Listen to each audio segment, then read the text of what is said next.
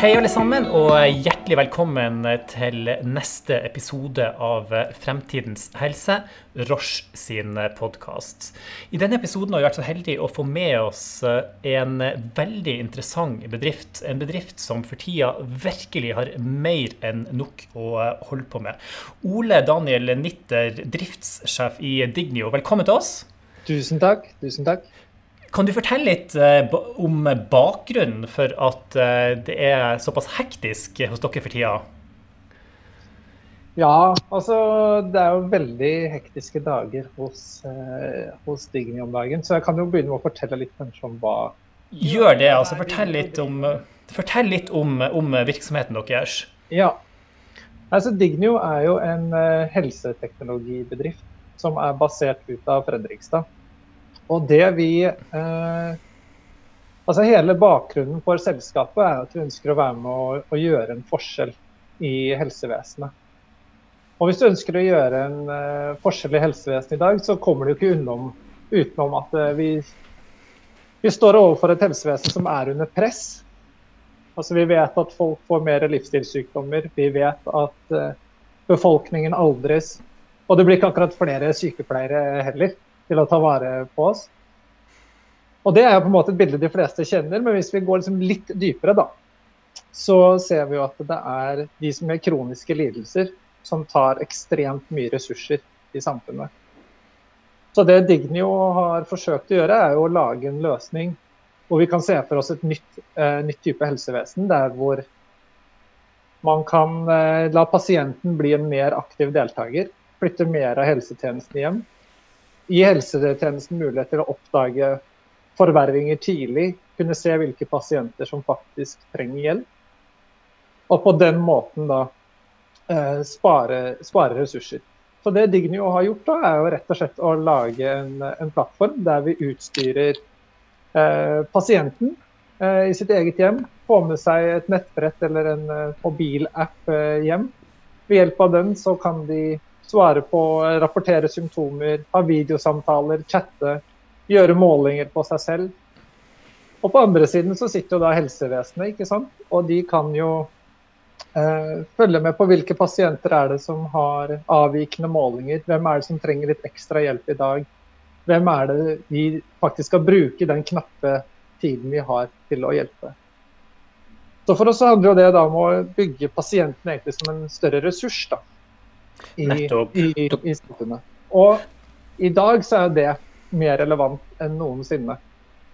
Med, eh, med covid-19 som, eh, som, nå sprer om seg, så er det jo flere og flere som må faktisk gå gjennom et fullt pasientforløp hjemme. Og vi har sårbare pasientgrupper som ikke lenger kan komme seg til eh, komme i kontakt med helsevesenet slik de pleide. Og dette er da en måte for helsevesenet å kunne gi forsvarlig helsehjelp og skape trygghet for, for de det gjelder.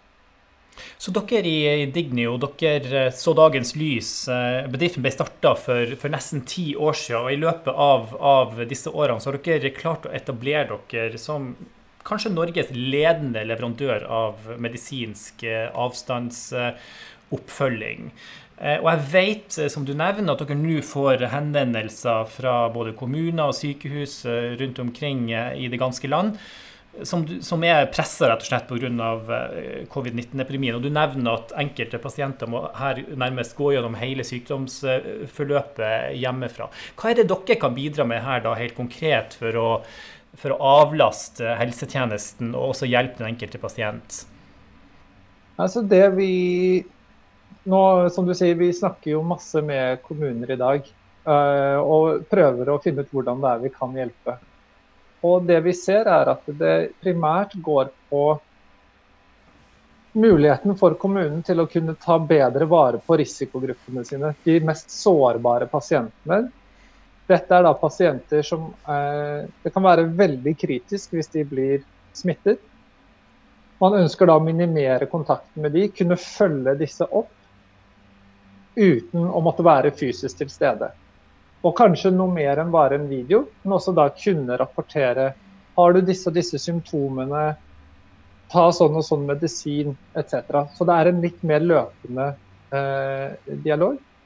Og Samtidig så vet vi at det er eh, mange eh, kommuner i dag som når de skal følge opp de som har blitt smittet, så ønsker de å da kunne ha en oversikt over de som har blitt smittet, og kunne følge med på forverringer. Det er kjent at eh, med covid-19 at en del har ganske milde symptomer lenge, før det slår om veldig raskt. Og det å da kunne ha en kontinuerlig monitorering av pasientene, og kunne ha den kontakten gjennom applikasjonen da, som pasientene har hjemme, og den eh, tjenesten som helsepersonellet sitter på, den kan faktisk være med da og, og redde liv i den sammenhengen vi er nå. Og denne appen, er den, er det, den er ikke vanskelig å bruke? Altså, hvordan, hvordan, oppleves den av folk som kanskje ikke er så digitalt fremoverlente? Ja, ja. Så vi har jo holdt på med det her i snart eh, ti år.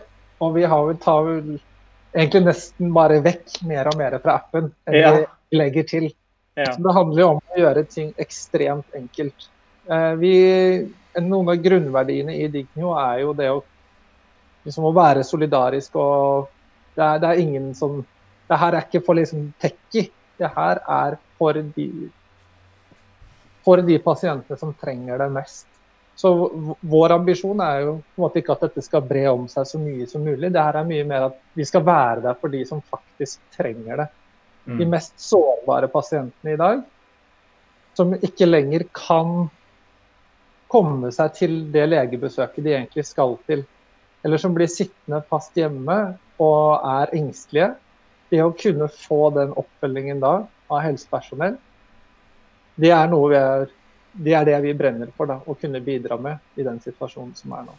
Nei, og Samtidig så vet vi jo at altså helse, hvis helsevesenet var under press tidligere, så er det jo i hvert fall under press nå.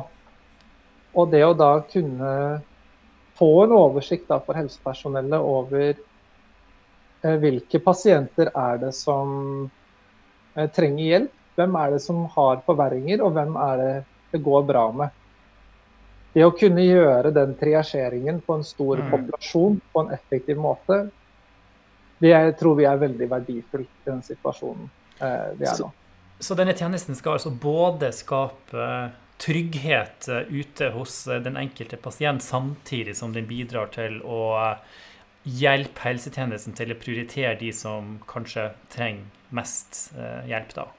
Mm, prioritere og skjerme ja. de risikogruppene. For noen nå så er det jo livsfarlig å dra på sykehuset.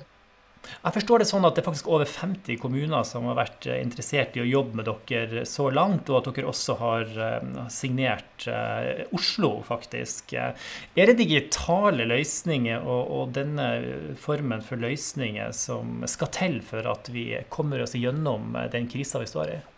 Jeg tror nok det er ganske, eh, et ganske sammensatt bilde om hva som skal til. Og digitale løsninger er nok kanskje bare et verktøy tror jeg, for helsepersonell. Eh, vi ønsker å kunne være til hjelp der, eh, til det formålet vi kan, der vi kan bidra. Men definitivt så tror jeg at vi kan spille en viktig rolle i det, nettopp det som vi har sagt nå og vært inne på flere ganger. Det å kunne skjerme de risikogruppene følge opp de som har blitt smittet på en mer effektiv måte. Og da kunne avlaste eh, helsevesenet.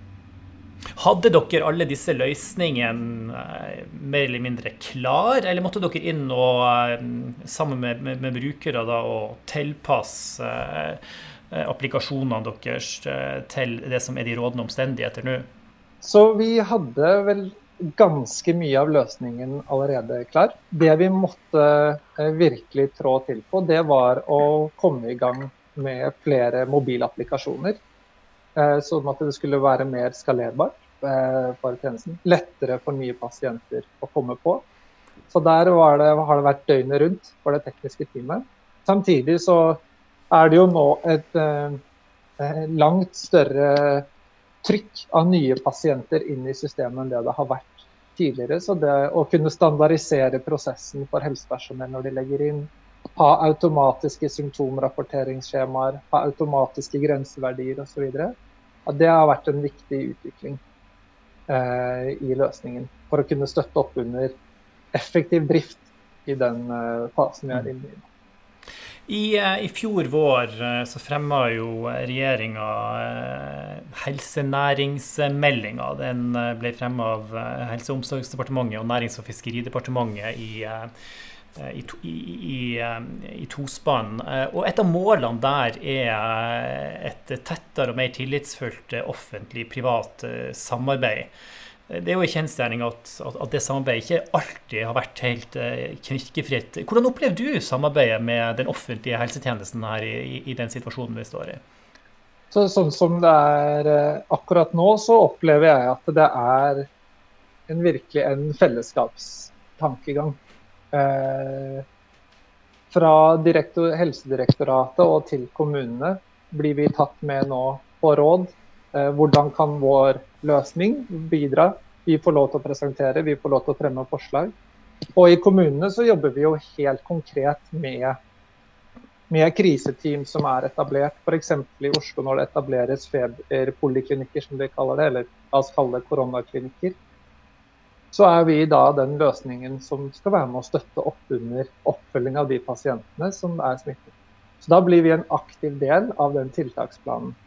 Og Vi prøver jo da selvfølgelig å snu oss rundt på vår side. Skru til løsningen, iterere basert på den inputen eh, som, eh, som, vi får. Vi har vårt eget eh, teknologiteam.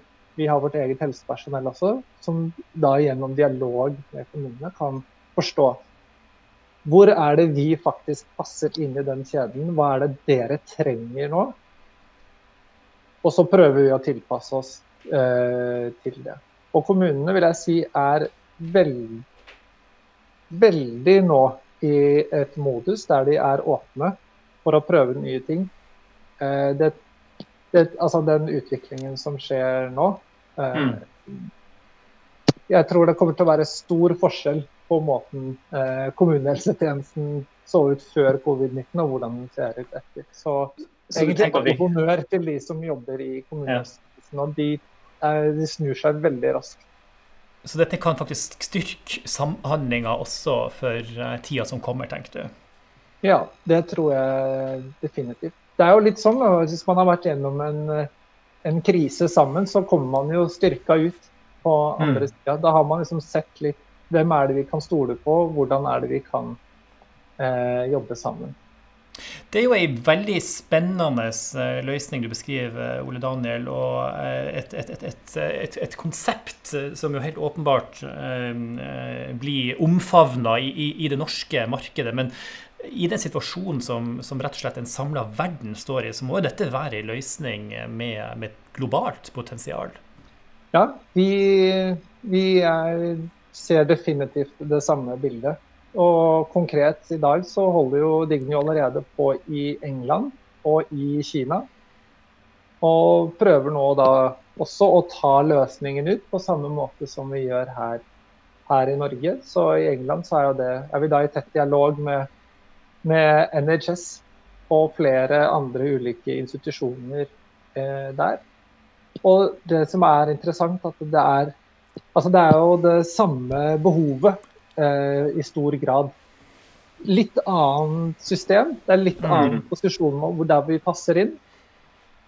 Men på en måte grunntanken, grunnfilosofien om at pasienten trenger oppfølging og pasienten kan ta mer ansvar selv, ja, det er eh, universelt.